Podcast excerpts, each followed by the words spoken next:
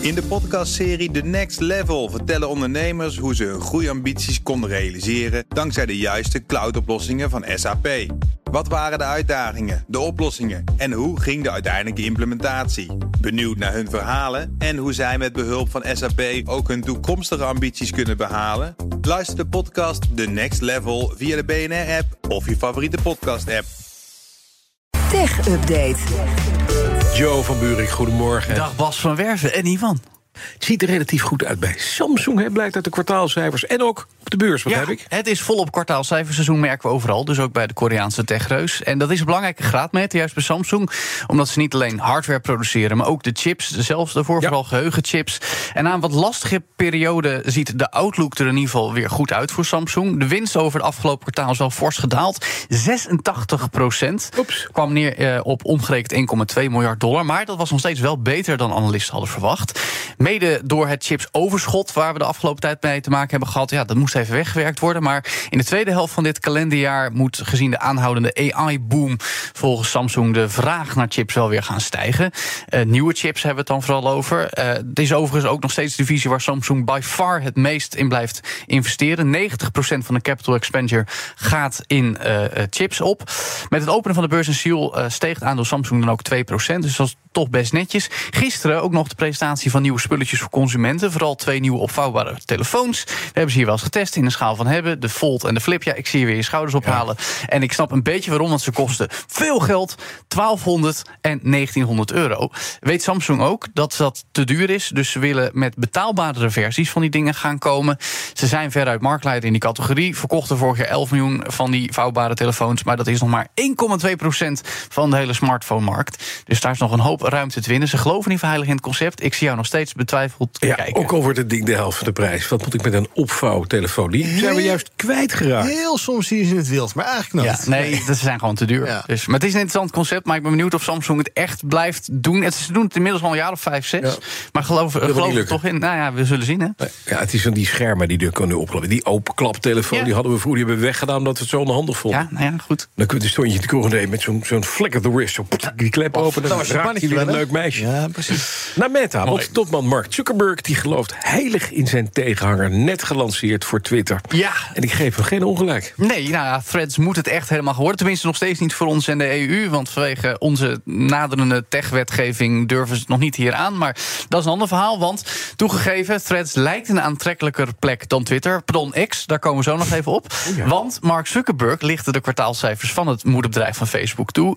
32 miljard dollar omzet. En dat is toch bijna 1 miljard meer dan de analisten verwacht hadden. 7,8 miljard dollar winst.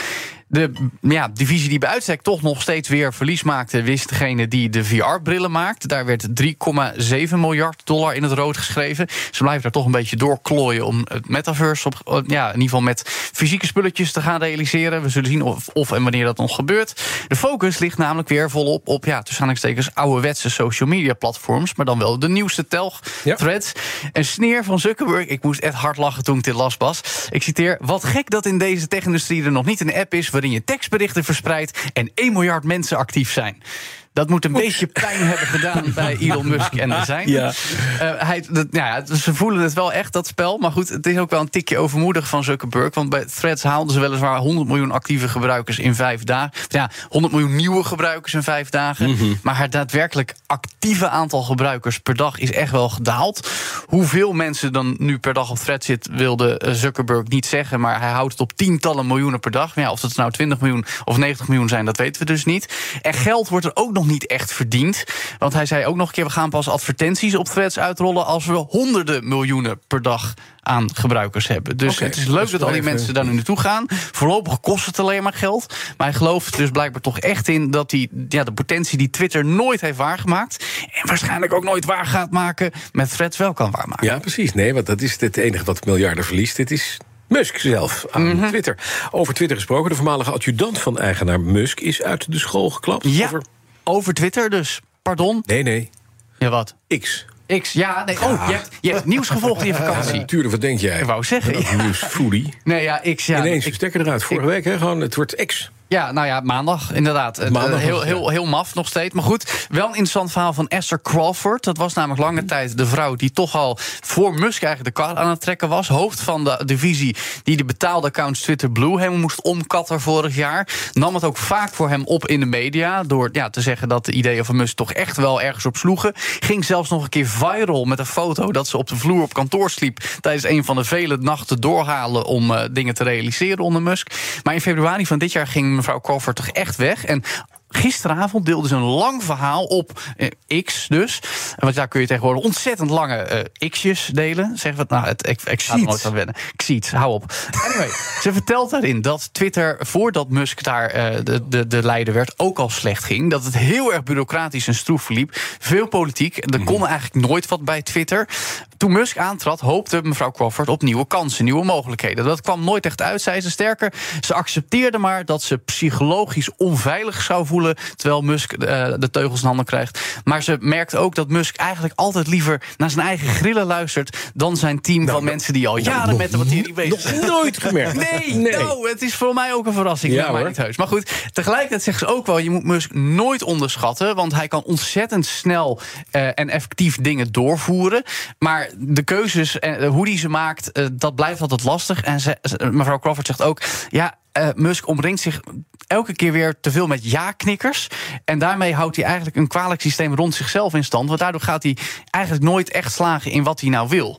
Dus een korte versie van Esther Crawford over Elon Musk. Heeft fantastische ideeën, krijgt dingen voor elkaar. Maar wat hij dan voor elkaar krijgt, dat is het gewoon niet helemaal. Te veel gepest op school en daardoor luistert hij naar niemand. Dat is dan weer jouw psychologie van de koude grond erbij. Maar ja, Maar goed, misschien wie weet. in. Dus Dankjewel. Maar X, eh, jij, noemt, jij blijft gewoon Twitter, Twitter noemen. ik vind dit zo moeilijk. Is het Ivan. internationale persbureau zoals ze schrijven... dat meldt die op X. Ja, dat vind ik Nou, toch het- heftig. eh, laten we voorlopig houden op het platform dat we voormalig kenden als Twitter. de platform formerly known as Twitter. Ja. Without the Bird. Dus. Die is ook dood, hè? Die het vogel heeft hij ook De afgeschoten. vogels zijn daadwerkelijk vervangen door kruisjes, maar de app heet nog steeds gewoon Twitter.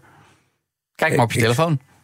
Bas heeft geen Ik heb geen Vrouwen telefoon. mannen, dus Bas heeft het. Oké, voor Bas is het X, wij blijven in de ontkenningsfase zitten. Dankjewel, Mr. X. De BNR Tech Update wordt mede mogelijk gemaakt door Lenklen. Lenklen. Betrokken expertise, gedreven resultaat.